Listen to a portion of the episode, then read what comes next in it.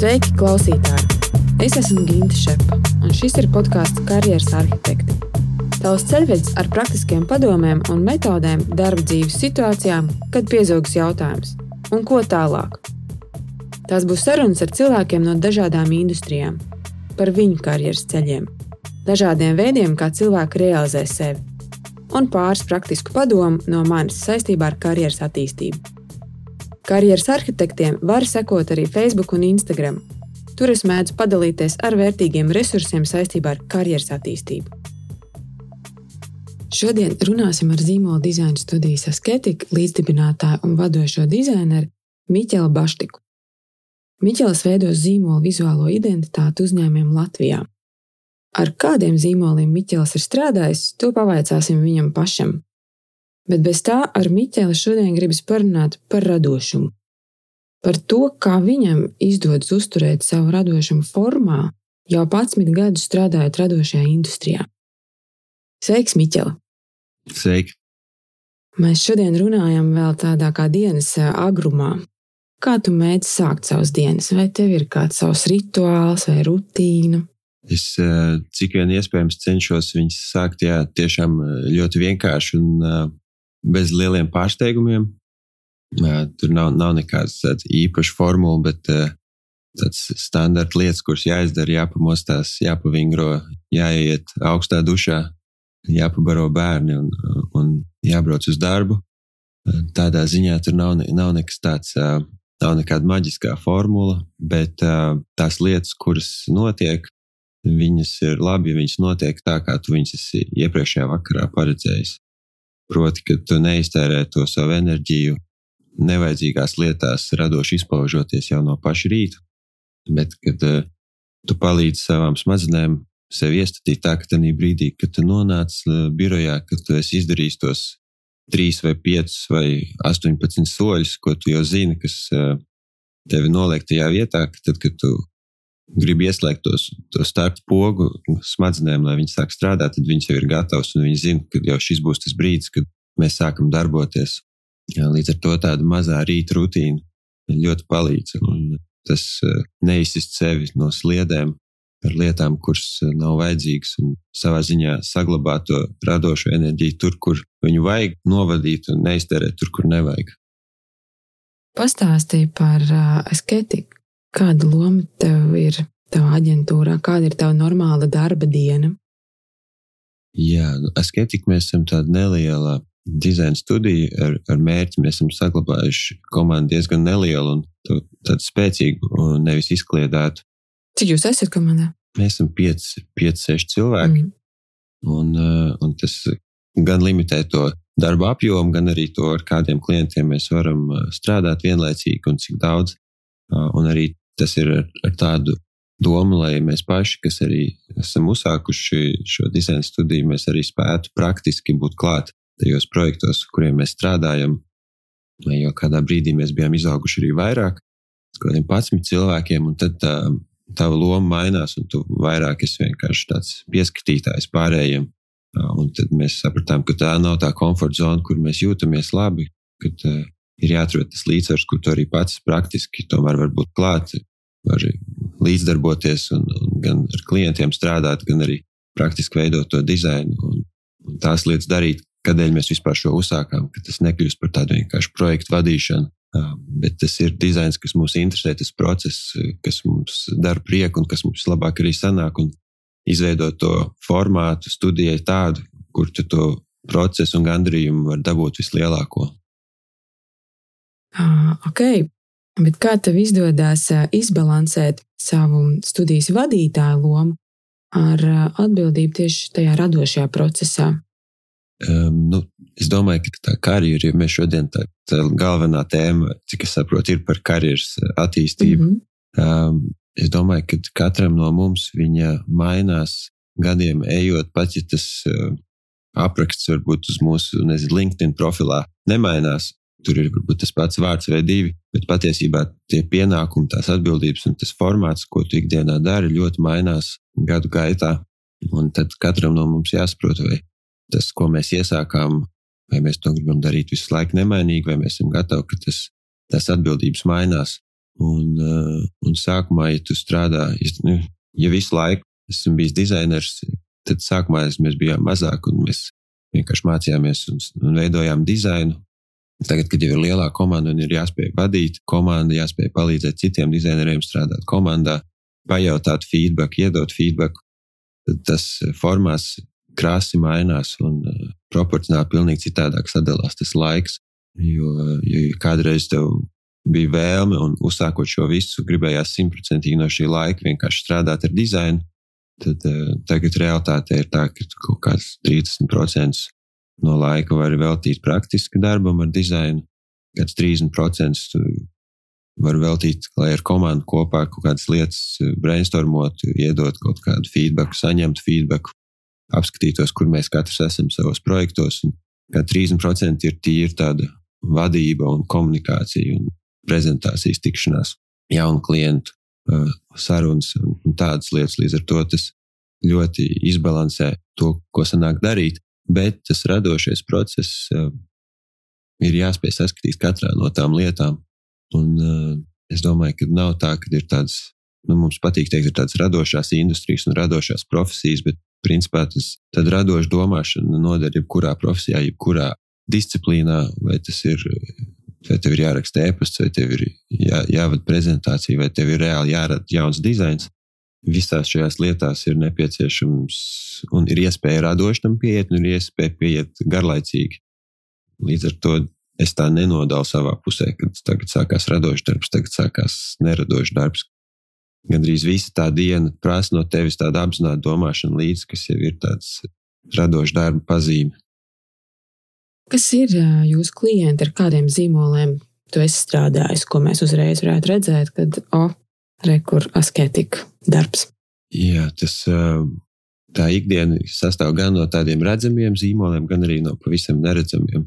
Jo daļa no klientiem, ko mēs strādājam, ir tādi, kas tagad tikai top, kas ir jauni uzņēmumi vai jauni produkti, kuri ir pašā, pašā tādā sēklas stadijā, kurš ir pats, pats sākums. Līdz ar to viņi ir mazāk zināmi, viņi pamazām tikai attīstās un aug.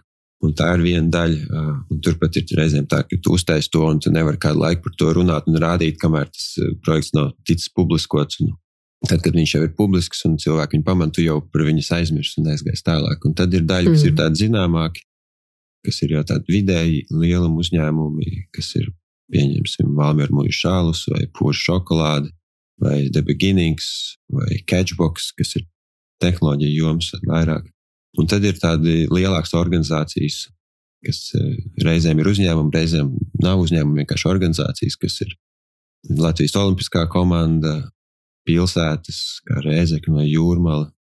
Tas varbūt Latvijas simtgadus arī to grafisko zīmi, ko mēs palīdzējām veidot, dziesmu svētki, iepriekšējo identitāti un, un tādas lietas, kas nav varbūt vairāk jau tādā mūsu ikdienas biznesa jomā, bet arī, arī tur šī zīmola veidošana ik pa laikam ir nepieciešama. Un, un tās, tās tas līdzsvars sanāk no tādiem pavisam jauniem startupiem un jaunām biznesa idejām līdz uh, lielām valsts uh, mēroga organizācijām. Nu, diezgan plašs tas um, skops, kas, tev, kas tavā portfolio ir. Un, un, un, un kā mēs arī iepriekš runājām, ka tu jau 15 vairāk gadus strādā šajā industrijā. Un rekur uzņēmumi no dažādām industrijām, tas mērogs un viss. Tev nav bijis tā, ka nu, ir kaut kāda radošā krīze. Nekas nedzimst, nevar. Ko tad? Um, tāds neradošās krīzes, ne, laikam tādas nav. Krīzes kā tādas, jau, protams, ir. Un katram mums ir tādas dienas, kurām ir plusiņš, dienas beigās, un ir dienas, kurām ir mīnusiņš, un, un tādas dienas ir. Bet es nesauktu viņus par radošām krīzēm, jo to radošumu gadu gaitā tu spiests iemācīties to uztvert kā profesiju un strādāt profesionāli. Tas nozīmē, ka tu nepaļaujies uz tādām radošām iedvesmām vai impulsiem, bet uh, tev ir jāizveido sistēma vai rutīna, ar kur tu spēj strādāt katru dienu, pamostoties. Vienalga, kāds tev ir noskaņojums, vienalga, vai tev bērni no rīta bija paklausīgi vai nē, vai, vai tev bija labs tas rīta iesākums vai nē, tev ir jāspēj sevi nolikt tādā pozīcijā, kur tad, kad tev ir jāsāk strādāt, tu vari sākt strādāt. Un to kvalitāti, ko tu esi apsolījis, klientiem. To tu arī var piegādāt gan pirmdienā, gan, gan ceturtdienā un jebkurā nedēļas dienā. Līdz ar to tādas radošas krīzes, nē, vairāk ir tāds eh, varbūt cilvēcīgi kaut kādi brīži, kad tu, kad tu saņem kaut kādu kritiku, un tad sāc, kas ir radošiem cilvēkiem bieži vien, kad viņi sāk apšaubīt, vai, vai tas, kā es domāju, vai kā es redzu, vai tas tiešām tā ir, un tad uh, tev vienmēr ir jāspēj ielikt kontekstā tas, ko tu dzirdi, saprast, kur kritika ir vērtīga un kur ir vienkārši nezinu, komentāri, kur tev nav jāņem vērā, kur ir kaut kāds pamatos viedoklis, kur nav. Un, un tas varbūt ir tas sarežģītākais. Jo dizains ir tāda joma, kur katrs mīl izteikties. Nu jau cilvēki mīl izteikties arī par jautājumiem, kur viņiem vispār nav nekādas sapratnes par medicīnu un, un epidēmijām. Un, ja cilvēki par to izsakās, nu, viegli prātīgi, bez zināšanām, bez pieredzes, tad, protams, brīdī, kad viņš ierauga kaut kādu jaunu logotipu vai, vai kaut kādu grafisku materiālu, viņam ir ļoti viegli par to izteikt eh, savas domas, ko tas viņam atgādina, vai kur krāsu viņš labāk tur gribētu redzēt. Un, un tad, tad ir jāspēj izfiltrēt to un neļaut tādiem komentāriem, kas ir bez, bez satura un smaguma, neizcist sevi no sliedēm un atkal tādu vērtīgu kritiku pieņemt un no tās mācīties un iet uz priekšu. Tad tie varbūt ir tādi izaicinošākie posmi. Bet, jā, Bet tas par tādu mm. radošu iedvesmu vai, vai, vai krīzēm, tas ir atsevišķa tēma, kur es domāju, var daudz un plaši runāt par to, kas ir un kas nav profesionāls, radošs darbs, un kas ir vairāk hobijs vai tāds māksliniecisks izpausmes, kur tu vari atļausties kaut kādiem impulsiem sekot un savam noskaņojumiem un radot kaut kādas mākslas izpausmes vai mūziku vai, vai kaut ko tādu, tur varbūt ja tas nav profesionāli, atkal, ja tas ir tāds tavs brīvā laika hobijs, tu vari to darīt. Ja tas ja tu esi profesionāls mūziķis vai dizainers, tad tev ir jāspēj disciplinēt strādāt.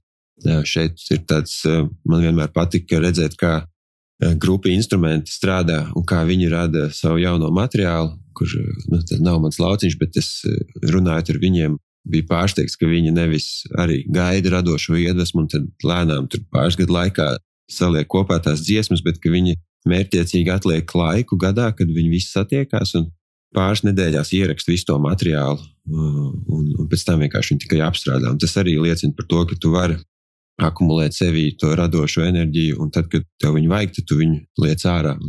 Nevis vienkārši sēdi un gaidi, rokas klēpī salicis. Kad viņi atnāks, vai ne?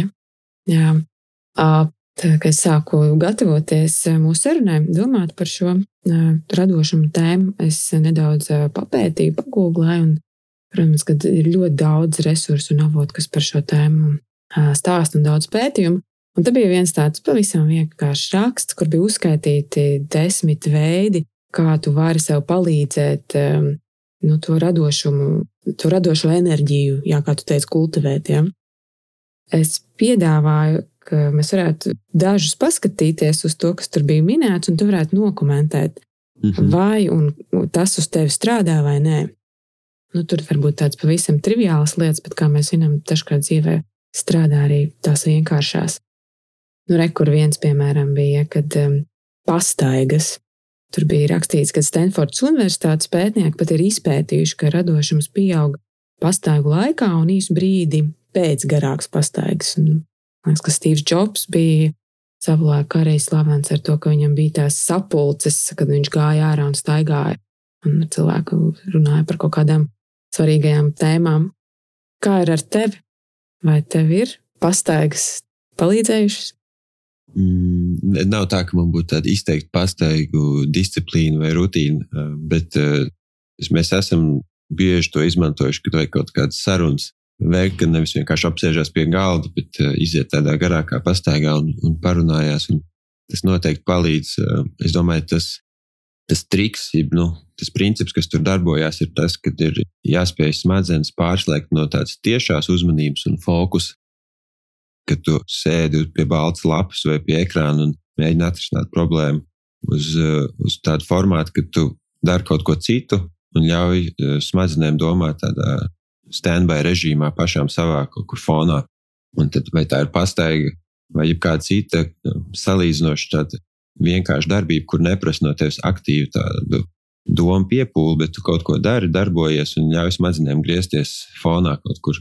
Un, un tad smadzenes brīnumainā veidā pašas saliek kopā tos punktiņus, ko tu esi tur savā, savācis kopā.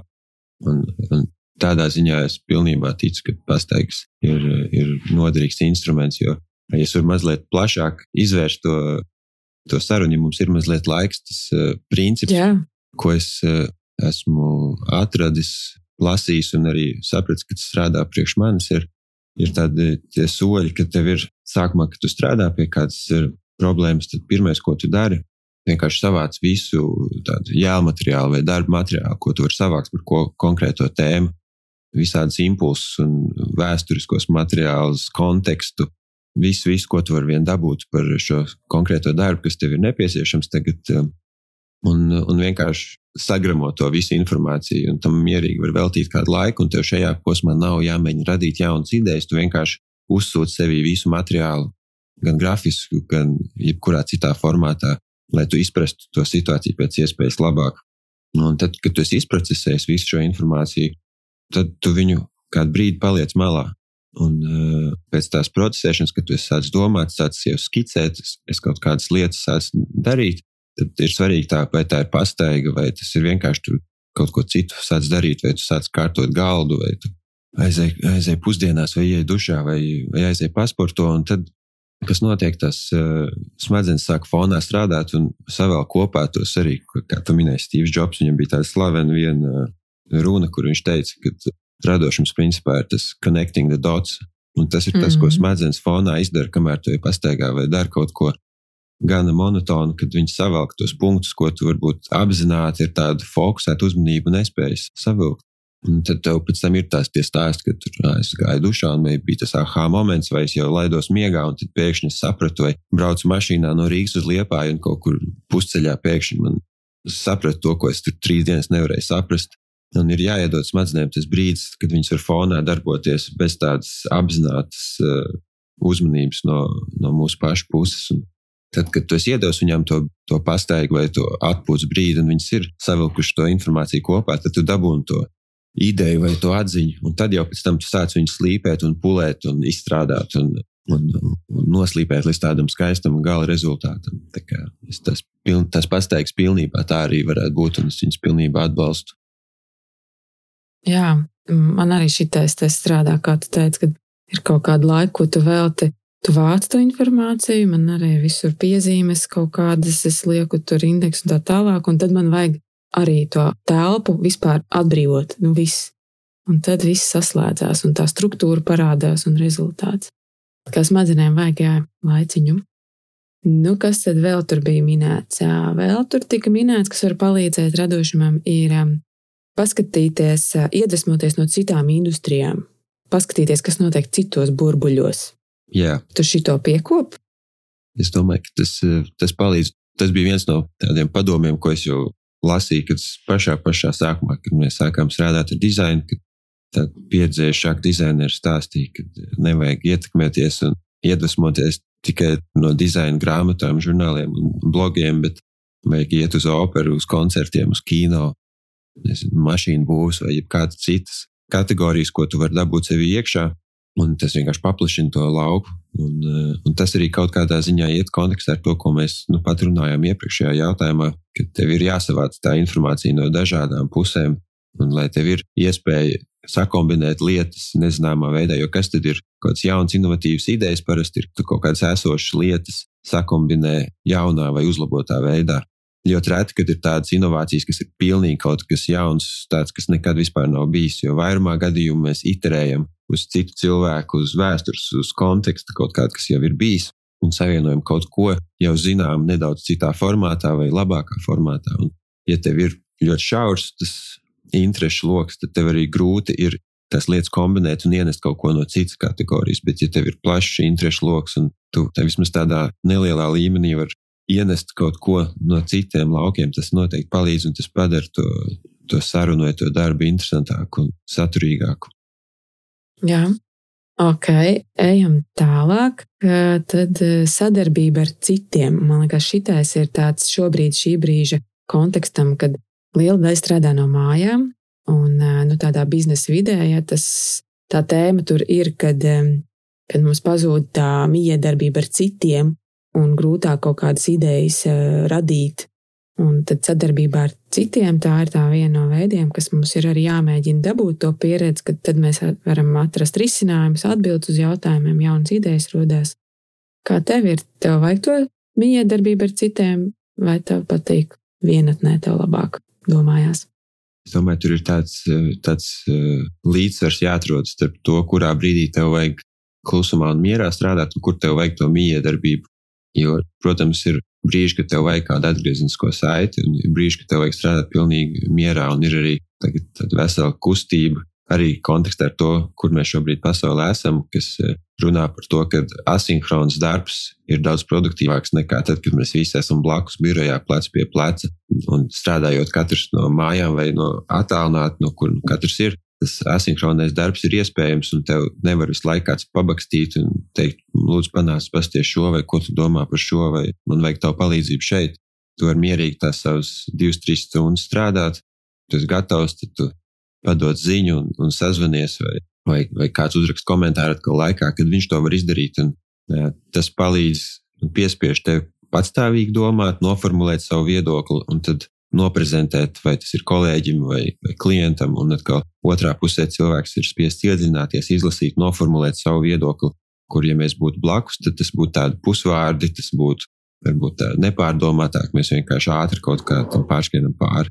Un, un tur, es domāju, ir kaut kāda laba lieta tādā, ka ir vajadzīgs laiks, kad katrs domā vienkārši pats ar savu galvu un ir spiests kaut ko no sevis dabūt ārā, kas, ja mēs būtu trietā, tad varbūt divi, divi domā un aktīvi izmanto smadzenes, viens vienkārši sēž blakus un tikai vēro to visu. Tajā pašā laikā ir brīži, kad tev vajag to atgriezenisko saiti, un tas ir viens punkts, ko daudz freelanceri, vismaz dizaineri freelanceri vienmēr piemin. Tas, kas visvairāk pietrūkst, ir, ir tas, ka tu esi kaut ko izveidojis, un tev vajag to plecu sajūtu kādam, kurš vienkārši ātri var uzmest aci un tev iedot mazas, mazu vērtīgu komentāru, kur tu jau sēžot pie šī darba sešas stundas, jau vairs neredz, kas strādā, kas ne, un tad kāds pienāk ar svaigu aci, paskatās, iedod to, to kaut kādu feedback, un tas ir ļoti noderīgi. Bet tur ir svarīgi, ka tie cilvēki ir tādi, kuru viedoklim tu uzticies, un kur tu esi pārbaudījis un zini, ka tas viņu, viņu skats vai viņu acis eh, būs, būs tas tieši, ko tu meklē. Nu, labi, tad uh, vēl vienu pēdējo paņemsim. Uh, tā saucamās dažādās domāšanas nu, cepures vai lēcas, kā kurš to mēdz dēvēt, kad tu uz vienu to pašu ideju vai, vai problēmu paskaties ar trīs dažādām jā, brillēm. Jā. Viens ir kritiķis, tad ir tas reālists, un, un trešais ir sapņotājs. Ja nemaldos, Voltam Disneyam bija šī pieeja. Vai tu esi izmantojis šādu metodi savā darbā? Es Es zinu šo metodi, bet tā, tā ikdienā es viņu neizmantoju, vismaz neapzināti. Varbūt tas notiek kaut kā neapzināti, bet tā kā praktizējoša disciplīna šo es neesmu izmantojis. Ne. Un, laikam tādēļ, ka tā, tie uzdevumi, kas tev ienāk ikdienā, viņi ir ļoti konkrēti, ar konkrētu budžetu, ar konkrētu timeline, uh, un tev ir jāspēj tajā noteiktajā laikā nonākt pie risinājuma. Un, nu, tas tāds luksus lieta, ja mēs varētu tikt vienu dienu veltīt tikai ar vienu cepuri, tad otru dienu, mm. otru, trešo. Tas, protams, būtu interesanti un, un forši, bet uh, reti kurš spētu to samaksāt klientu pusē par tādu luksus lietu, kad par to domā. Un, jā, es, es nešaubos, mm. ka tas mm-hmm. strādā, bet tā realitāte, kad tu esi biznesa vidē, ir tā, ka tev ir jāspēj iekļauties uh, tajās limitācijās, kas ir tā realitāte no klienta biznesa skatu punkta, lai, lai tas produkts nekļūst nesamērīgi dārgs, ko tu beigās rādi, vai, lai, viņš, vai tās izmaksas ir atpelnās, vai viņas ir attaisnojums, tas, ko mēs tenī ieguldam. Principā tev ir savas cepures, laiks, budžets, nu, un tad, protams, arī nu, biznesa nu, konteksts un mērķis, kas jāsasniedz. Jā. Ok. Šobrīd daudz tiek runāts par to, ka dati ir mūsdienu zelts. Nu, mēs daudz analizējam patērētāju uzvedību, ko viņi pērk, ko nepērk, kāda mums ir paradumi, kā mēs reaģējam uz kaut, uz kaut ko. Kāda loma tavā darbā, tajā, ko tu dari, ir, ir datiem un analītikai? Kā tur radošums saspēlējās? Kaut kādā mērā tas ir vērtīgi. Un Tādēļ, ka mēs strādājam tādā netveramākā jomā, mēs vienmēr priecājamies, ja mēs varam dabūt to atgriezenisko saiti un redzēt un izmērīt, kā kas ir strādājis un, un kurš strādā un kas nestrādā. bet uh, tas nevienmēr ir tik viegli nomērāms. Un, uh, tas nevienmēr tie cipari atnāk tādi, kurus tu vari praktiski pielietot un pēc tam replicēt nākamajā reizē. Jo tas darbs, ko mēs darām ar dizainu un zīmolu veidošanu, viņš sastāv no ļoti daudz komponentiem, kurus nevar tā izolēti nodalīt un nomērīt. Ja kāds produkts pēkšņi performē labāk, tas tur ir viena komponente, kas ir tas, kā tas izskatās un kāds ir tas dizains, bet tur ir daudz citas komponentes, kuras ir saistītas un atkarībā no tā arī tas rezultāts ir viens vai otrs. Tā kā tas tāds grūti izmērām lieta, ir bijuši dažādi pētījumi. Tas, ka tās lielākos uzņēmumos, eh, kur eh, kā, kā dizains ietekmē kopējo vispār uzņēmumu izaugsmi un rādītājus. Un visi tie pētījumi rāda, ka tā dizaina domāšana, kas ir dziļi sakņojās uzņēmumu vispār vadībā, tie uzņēmumi performē daudz labāk nekā tie, kur to nedara. Bet tas gan vienmēr nozīmē, ka tur ir jābūt uzņēmumu vadībā jau cilvēkam, kurš par to domā, nevis vienkārši deleģē vienu kaut kādu konkrētu komponentu, lai dizainers izstrādā, un tad pārējo nedomā, bet tas viss jau uzņēmums pats sevi ir izveidojis tā, ka viņš šo spēju veiksmīgi integrēt. Un līdz ar to tie cipari ir tādi, tāds divējādi lieta. Tur nav tik viennozīmīgi, bet es ticu, ka tehnoloģijām attīstoties, mēs varēsim dabūt vēl precīzāk šīs lietas. Un ir, protams, tādi mazāki, mazāki rādītāji, kur tu vari kaut kādas atsevišķas lietas skatīties. Zinu, ka ir bijuši gadījumi, kad nomainot krāsu no baltas uz zaļu iepakojumam, tie rādītāji paiet uz augšu, un tur ir kaut kāds kultūras konteksts valstīs, kur kaut kāds krāsa strādā vai nestrādā. Bet tas nevienmēr būs tā replicējums, ka, ja šim klientam tas strādāja, ka tas izdarīs to pašu, un man būs tāpat. Jā, produkts, pircējs, jā, kas ir tā patērētāja grupa, viņu paradumu. Jā, um, nu man jāatzīst, ka uh, dizains kaut kur apzināti vai neapzināti ir bijusi arī mana personīgā interese. Man patīk, vienmēr novērtēju tādas estētiskas lietas. Ja es pie tevis tagad nāktu pēc padoma, Miķeli, gribu kļūt par grafisko dizaineru, no kura gala lai es sāku? Ko tu man ieteiktu? Kurus varētu sākt mācīties, kas ir labi tādi avoti? Es domāju, ka eh, pirmais būtu vienkārši eh, ķimerēties ar to dizainu. Tas būtu mm -hmm. tas, ko mhm. es ieteiktu. Pavadīt to pirmo gadu, vienkārši ķimerējoties ar, eh, ar to, kas tev interesē, ļaujoties zināt, kā arī tevi vadīt, kur tas tev aizvedīs. Jo dizains ir ļoti plašs, pat grafiskais dizains ir ļoti plašs jēdziens. Un, ja vien tev nav jau ļoti skaidra, konkrēta niša, kurā tu gribi darboties, tad uh, tas pirmais, ko darīt, būtu vienkārši darboties, taisīt draugiem kaut kādus projektus, pašizdomāts projekts, uh, ķimerēties kaut ko, zīmēt, veidot dizainus un tad skatīties, kur tas tev noved. Jo realitātē, tur, kur mēs uzsākām pirms 11 gadiem, ar to izpratni par to, kas ir dizains, ko mēs vēlamies darīt, kas mūs interesē, mēs esam izgājuši tāds uh, liels līkločs, līdz mēs nonācām pie tā, kur mēs zinām, kas mums sanāk, kur mēs zinām, ko klients novērtē un kas ir vajadzīgs un ar ko mēs varam arī nopelnīt. Un, kad šīs visas lietas saslēdzās kopā, tas nav tā uzreiz pirmajā dienā. Es saprotu, ok, veidošu grāmatām vākus, man ļoti patīk grāmatas, un es tagad taisīšu grāmatu vāku dizainu. Ja, tur, ļoti, tur ir kaut kāds posms, tev jāiziet cauri, līdz tu saproti, kas no tā visa tev interesē, kas tev sanāk, ko, ko sabiedrība vai klients prasa un kas ir vispār vajadzīgs. Um, vai, lai būtu labs grafiskais dizainers, pietiek ar to, ka man ir laba vizuālā uztvere, gaume, es spēju, rekord, nu, protams, loģiski strādāt ar programmatūru, ja? uh, radīt pievilcīgu dizainu. Kādas vēl prasmes man ir jāattīsta? Kas vēl man tajā darbā var noderēt? Tas tehniskās un grafiskās prasmes, kas dabīgi tiem cilvēkiem, kas liecās uz dizainu, viņiem jau viņas ir vai vismaz iekšā tur kaut kur viņas ir, un tad tev ir vienkārši jāiemācās tehniski tur programmas, kuras tāpat mainās tik pēc pāris gadiem, tas jāmācās arī man tagad, 11 gadus esot tur iekšā, tu dažādas jaunas programmas laika apgūst, bet tā ir tāda vienkāršā daļa, tu piešaujies, un to diezgan ātri tu vari apgūt. Jā, un tās vizuālās, grafiskās iemaņas ir nepieciešamas, un viņas, protams, ir jāuztrenē. Bet es domāju, ka tiem, kam ir vilkme uz šo tēmu, viņiem arī viņus patīk un arī sanāk.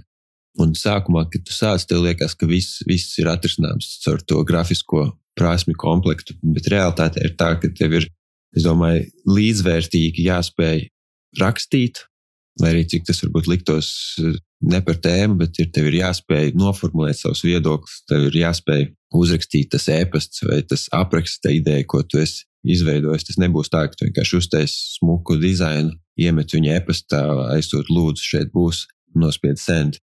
Tev ir jāspēj komunicēt ar cilvēkiem, saprast, kur viņš šobrīd atrodas savā pusē. Vai viņi ir satraukti, vai viņi ļoti gaida, vai viņi īstenībā grib, lai tu vēl divas dienas ar to pastrādā. Un spēja rakstīt un formulēt savas domas ir kritiski svarīga. Un eh, no tā izrietoši arī vēl viena komponente, kas ir ļoti svarīga, ir spēja noprezentēt vai izstāstīt to savu stāstu. Jo, ja tu nevari salikt prezentāciju tā, lai to stāstu var sakrīgi izstāstīt un cilvēki to var saprast, Un pirmajā kadrā jau parāda uzreiz brīnišķīgo savu dizainu, pie kā tu esi veltījis trīs nedēļas. Cilvēks to ieraudzīja pirmo reizi, trīs sekundes apskatās, un tad tu prasi, lai viņš tagad aplaudē un saka, cik tas viss ir brīnišķīgi. Tā visdrīzāk nebūs, eh, ka tev ir jāspēj tas savs radītais darbs, kā tāds stāsts izstāstīt.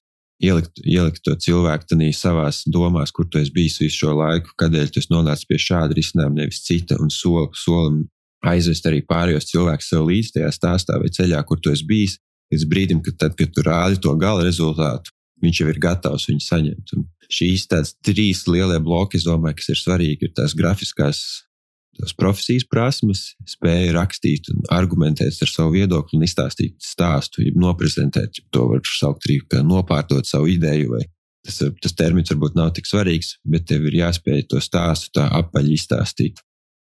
Mm -hmm. Šito es esmu redzējis savā darbā. Man ir nu, nācies arī atlasīt uh, grafiskos dizainerus un arī strādāt ar aģentūrām. Un tur tiešām tu ieraugi to rezultātu bez stāsta. Tā pirmā reakcija, tu vispār varbūt norēģēt, es nesaprotu, kas te ir domāts. Bet tad, kad nāk līdzi tas stāsts, nu tad tur pilnīgi cita bilde parādās. Un tu uzreiz, jā, ok, jā, šitais ir nu, skaidrs, kāpēc tas tā ir. Tā ir ļoti svarīga lieta. Jā.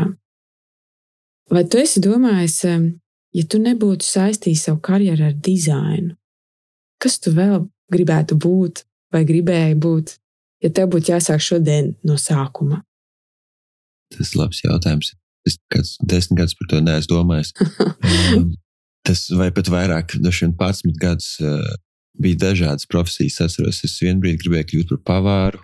Tas bija kaut kad uh, pirms vidusskolas vēl. Mm. Vidusskolā vidusskolā man likās, ka tas, ja ne dizains, tad es labprāt organizētu kaut kādus lielus pasākumus.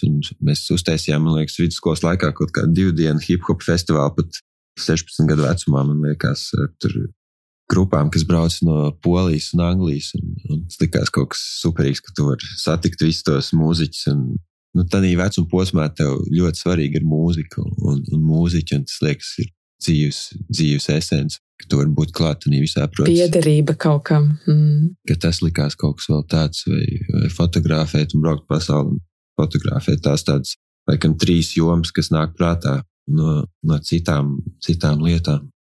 Jā. Bet tā realitāte īstenībā ir tā, ka tas, ko mēs jau runājam, ka tā profesija patiesībā mainās laikam ejot. Un tas ir tā skaistā daļa, kad ja tu spēj iet līdzi Es šobrīd esmu pavisam citā punktā, kurš bija pirms desmit gadiem, kā dizainers. Tā profesija patiesībā ir mainījusies diezgan kardināli. Lai gan tas job title joprojām ir dizainers, tā profesija patiesībā pēc būtības ir kaut kas pavisam cits. Un, eh, un mēs katrs jau ejam tādu, tādu ceļu savā karjerā. Ir interesanti, ja mēs spējam viņu visu laiku mainīt. Es klausījos pagājušajā nedēļā interviju ar eh, Spotify CEO, Un viņš stāstīja, ka viņiem vispār ir tajās galvenajās vadošajās lomās ir tā, ka viņiem nav pat tādi job titles, viņiem ir divu gadu misijas. Un divus gadus aptuveni strādā pie viena uzdevuma, kas šī brīdī uzņēmumam ir vajadzīgs, un kur tavs prasmes spēj vislabāk to risināt. Un pēc eh, šī noteiktā laika posma jūs apsēžaties un skatāties, eh, kur mēs tagad ejam tālāk, kas ir vajadzīgs uzņēmumam, un vai tavas intereses un spējas to spēj turpināt, vai atkal pamainīt kaut ko citu, vai, vai ej tālāk ar kaut kur pat citur to. Līdz ar to es domāju, tāds eh, standartizēts eh, virsraksts, kas tu esi un ko tu dari, tas droši vien mainās ar vien dinamiskāk un interesantāk, vēl ņemot vērā to kontekstu, kur mēs šobrīd dzīvojam. Mm, ļoti strauji. Man liekas, tiešām tie tie amatu apraksti, amatu nosaukumi, viņi, viņi izšķīst. Viņi, tur vairs nav tik striktas tās robežas. Mm -hmm. Tas, tas paplašinās. Nu, Klau, mēs esam gandrīz uz Ziemassvētku sliekšņa. Nu, te pat pie durvīm jau ir. Kā tu mīli pavadīt Ziemassvētkus? Tas ir negaidīts jautājums. um, es esmu piefiksējis, ka tad, ja tas adventu laiks ir tā apzināti un mērķiecīgi, nu, nesvinēts, bet gaidīts un, un piefiksēts, tad tie Ziemassvētki ir daudz dziļāki nekā ja viņš ir noskriets un tad vienkārši attopies tajā 24. Līdz ar to tas, tas, ko es cenšos darīt katru gadu, cik sanāk, cik nesnāk, bet pamanīt to gaidīšanas laiku līdz Ziemassvētkiem ar mazām lietām, pa ceļam, ko tu vari darīt. Uzaicinot, nu, kad tas vēl bija iespējams. Atceros, pagājušajā gadā mēs centāmies katrā adventas svētdienā kādu uzaicināt ciemos, kādu jaunu ēdienu, uztaisīt mājās ģimenē, cept cepumus krāsnī un visas tās mazās lietas darīt, lai to sajūtu jau radītu līdz tam brīdim. Mm. Un tad, kad to izdodas, tad tiešām tie svētki ir tādi dziļāki, un tur tie vairāk slāņi ir sakrājušies. Nekā, ja tu pienāc vienkārši pie durvīm Ziemassvētku vakarā, un te nu es esmu. Jā, tiešām jauki tā, kad, kad, kad tā svētku gaidīšana jau ir kā svētki. À, super, Miķeli! Paldies tev par lielisku sarunu. Ļauj ieskatīties gan, gan, gan savā profesijā, ja, kā, kā tu teici, kā tā ir mainījusies, gan arī un kas radošo industriju pārstāvjiem palīdz uzturēt savu radošumu, ka tas patiesībā ir tāda, nu, tāda struktūrēta būšana. Tas nav tāds gaidīt mūzu. Milzīgs paldies! Bet vai es varu vienu jautājumu tev uzdot? Pirms mēs jā, jā, jā. Man interesē dzirdēt eh, no tā, ko mēs runājām. Vai tas, ko, ko mēs runājam, vai tu to vari eh, attiecināt arī uz savu ikdienu, vai tu redz, ka tā arī mm. ir, vai tas kāds izskatās tavā pusē, vai tas ir pavisam citādāk? Mm. Man ir ļoti līdzīgi, man ir ļoti līdzīgi. Es klausījos tevi un kaut kādas pat lietas es savā ikdienā arī cenšos tāpat uzturēt, jā, tas, ko tu teici, ja kaut vai tāpat rīta rituāls, ja, kad tu mēģini um, nu, neiztērēt, neizšķiest to enerģiju lieki. Tā ir viena lieta. Un otrs, es jau, man liekas, arī pieskāros jā, par to radošo procesu, ka, kā, kā man arī viņš veidojās, no sākuma man ir tāds informācijas vākšana, ja man tur ir tāds tīmeklis. un, un, un tad man vajag man vajag tiešām to visu, kas man ir savākts, sastruktūrizēt. Un tur laikam es dabūju to radošumu esenci, kad man patīk tas no tā visa, kas man tāds bišķi to var nosaukt par, nu, nezinu, haosu, jeb tādu ideju satura, satura gros, kad es sāku likt to struktūrizēt, un tad tās idejas arī tur rodās. Un, un tas pats strādāja arī manā kontekstā. Man varbūt, nu, nav nekas tāds kā saka, man, mana industrija, man, man tur, kur es strādāju, nu, tad es ikdienā mans konteksts ir vairāk ar personāla vadību un ar IT cilvēkiem, bet tāpat tās man arī ir jārada stratēģijas vai kaut kādi saturs kaut kam, un man tur arī vajadzīgs jā, šis radošais process. Man liekas, ka darbs ar cilvēkiem ir visradošākais, kāds vien vispār var būt. Un vienlaicīgi oh, tas vissarežģītākais. Un es domāju, ja IT nekad... cilvēkiem tas varētu būt vēl tādā desmitajā pakāpē. Visus tos IT cilvēkus dabūt, ka viņi vispār runā un, un savstarpēji runā ar tevi. Runā. Es domāju, tur mm. tāds. Es, es meni, nu, kā strādājot ar dažiem cilvēkiem, ikdienā, kas ir klienti un sadarbības partneri. Tur tu jūti, cik daudz ir dažādi raksturi un skats uz dzīvi un personības. Un, un to menedžēt stundu dienā jau ir kaut kas. Un, bet, ja tas ir viss tavs darbs, tas pat nespēj iedomāties, Kas tā ir mhm. tāda par radošo enerģijas tādu bumbu, kas tev katru dienu ir jāizmenedžē. Nu, un, un tas ir tas, kas manā darbā. Tev nekad neviena diena nav tāda pati. Pat ja tu dari it kā tehniski to pašu, to pašu uzdevumu, tu atkal piedzīvo. Bet, ja tas ir ar cilvēkiem, tad tas vienmēr būs savādāk. Un radošums tur tiešām palīdz un ir vajadzīgs. Un tas padara to manu darbu krāsainu. Nu, tā. Forši. Paldies, Ginte, par sarunu. Paldies, tev, Mitēl. Es novēlu tev un tavai komandai nākamo gadu ar, ar daudziem jauniem radošiem projektiem. Un lai mums visiem apkārt ir, ir skaistu zīmolu, lai mums ir tiešām prieks redzēt un piedzīvot skaistumu visapkārt. Un, protams, lai izdodas jauka un sirsnīga Ziemassvētka ģimenes lokā. Jā, paldies tev arī. Paldies! Atā! Atā.